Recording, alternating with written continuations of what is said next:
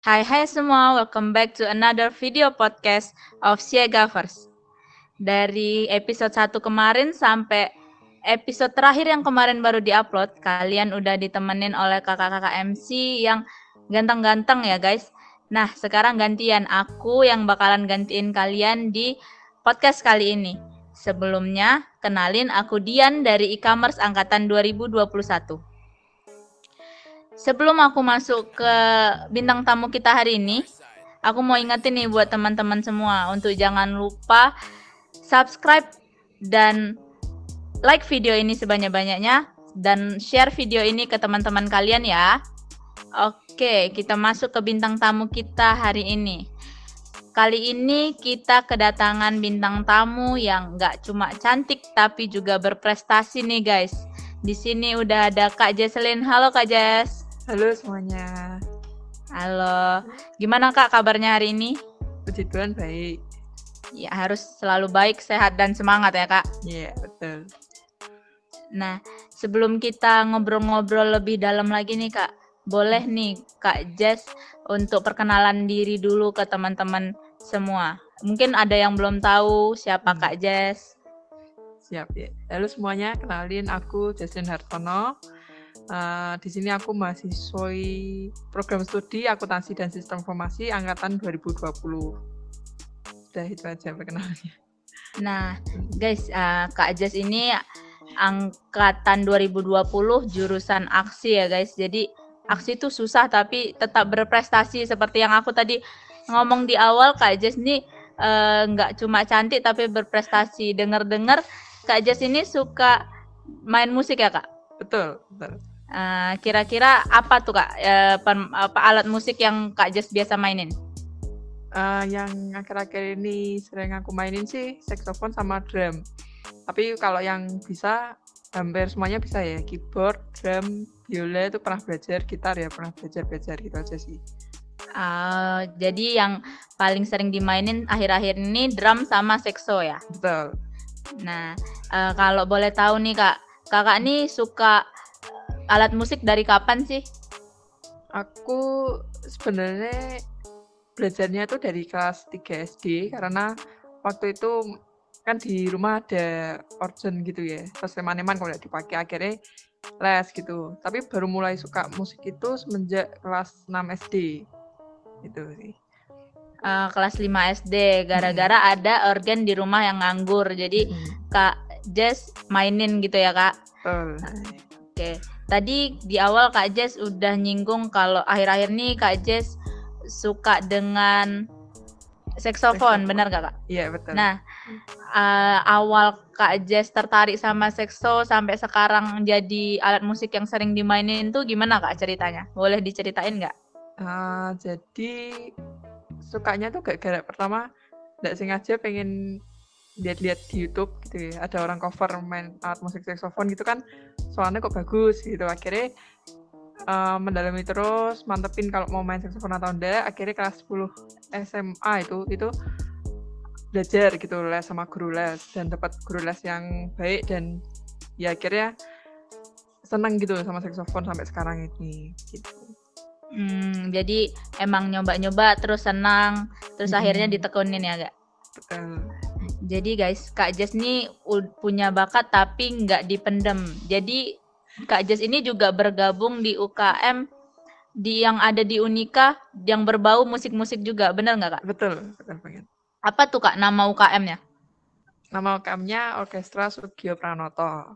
Orkestra Sugio Pranoto. Hmm. Uh, Orkestra Sugio Pranoto itu cuma bergerak di bidang alat musik atau gimana Kak? Bisa dijelasin nggak? Iya, fokus utamanya sih di bidang alat musik yang terutama di musik jenis orkestra ya, klasik-klasik gitu. Tapi kan ada broker-brokernya itu yang nggak cuma bahas musik gitu. Jadi ya ada makrab dan lain sebagainya gitu.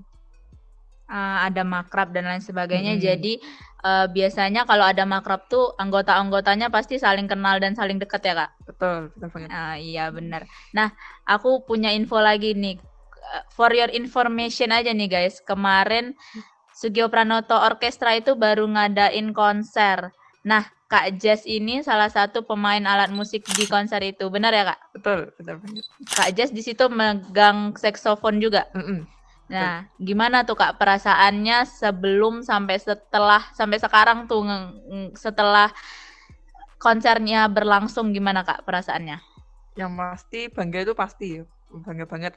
Karena selain ya pengalaman itu teman-teman di situ tuh kan luar biasa membuat apa ya, membuat lingkungannya tuh positif gitu. Jadi ya jadi semangat lagi bermusik, terus belajar banyak hal baru gitu pastinya. Sama ya ini kan konser yang bagi aku pertama kalinya bagi aku ikut konser orkestra gitu. Gitu sih. Itu per- konser pertamanya Kak Jess dan bisa dibilang ya guys konser kemarin itu lumayan megah ya banyak juga yang nonton banyak juga yang nyaksiin ya Kak. Iya, betul, betul banget. itu kemarin konser itu kan megah. Di balik itu kan pasti ada persiapan yang padi- pasti ada persiapan yang disiapkan secara matang. Gimana tuh Kak persiapannya dari Kakak sendiri? Kalau dari aku sendiri yang aku tahu ya kan ini udah jauh banget dikasih tahu kabar gitu ya. Oh, kalau kita ada konser gitu sekitar Oktober 2021 kemarin. Itu awal-awal dikasihin partitur sama guide-nya. Guide-nya tuh kayak lagunya gitu, 12 lagu dikasihin. Terus kita latihan mandiri dulu pertamanya. Habis itu baru mungkin tiga bulan sebelum play gitu ya. Kan playnya tanggal 29 Juli tuh. Di mungkin sekitar April atau Mei itu kita baru kumpul latihan bersama tuh ya, satu minggu sekali latihannya. Nah itu nyatuin apa ya caranya main biar kompak kayak gimana, terus biar kalau orkestra kan agak beda gitu ya. Maksudnya jadi harus kita harus punya feeling yang kalau kita main solo ya nanti gimana gitu terus kadang bisa ngasihin jalan ke yang pemain lain gitu juga. Jadi itu semua dilatih sih, ekspresi juga dilatih dan lain sebagainya lah itu dilatih semua. Jadi tadi Kak Jis bilang latihannya waktu dikasih lagu latihan dulu sendiri-sendiri. Baru akhir-akhir itu baru latihan bareng-bareng ya kan. Mm-mm. Nah, itu berarti masih ada dampak dari pandemi yang kemarin kita alamin ya, Kak. Karena- betul, makanya di sendiri-sendiri gitu. Mm-mm, betul. Nah, Itu pas latihan bareng-barengnya itu Hamin berapa, Kak? Eh, latihan bareng-bareng tuh tiga bulan ya, tiga bulan sebelum play. Itu satu Hmm. minggu sekali, habis itu mungkin satu bulan sebelum play di double-double gitu. Kamis minggu, Kamis Ah. minggu gitu. Oh, gitu. Mm-mm. Jadi di balik persiapan itu ada perjuangan-perjuangan dari para pemain musiknya yang harus bisa latihan sendiri, nyempetin waktu latihan bareng-bareng gitu ya, Kak. Betul. Nah, itu sebenarnya konsernya kemarin itu yang nonton boleh dari luar atau cuma dari Unika aja, Kak? Boleh banget dari luar ya. Dia- dari Unika boleh, dari luar boleh. Yang penting yaitu harus beli tiketnya dulu sih kemarin. Oh, ada penjualan tiket tuh guys kalau nggak Mm-mm. salah. Nah, jadi teman-teman yang dari luar Unika mungkin mau nonton konser orkes masih bisa ditonton. Jadi sebenarnya konser orkes itu tiap tahunnya diadain atau cuma tahun ini atau gimana, Kak? Iya benar, ini kan konser itu kan proker tahunannya UKM-nya kita. Jadi kayak proker penutup, jadi paling megah. Nah itu ada per tahun dan ini konser yang keempat.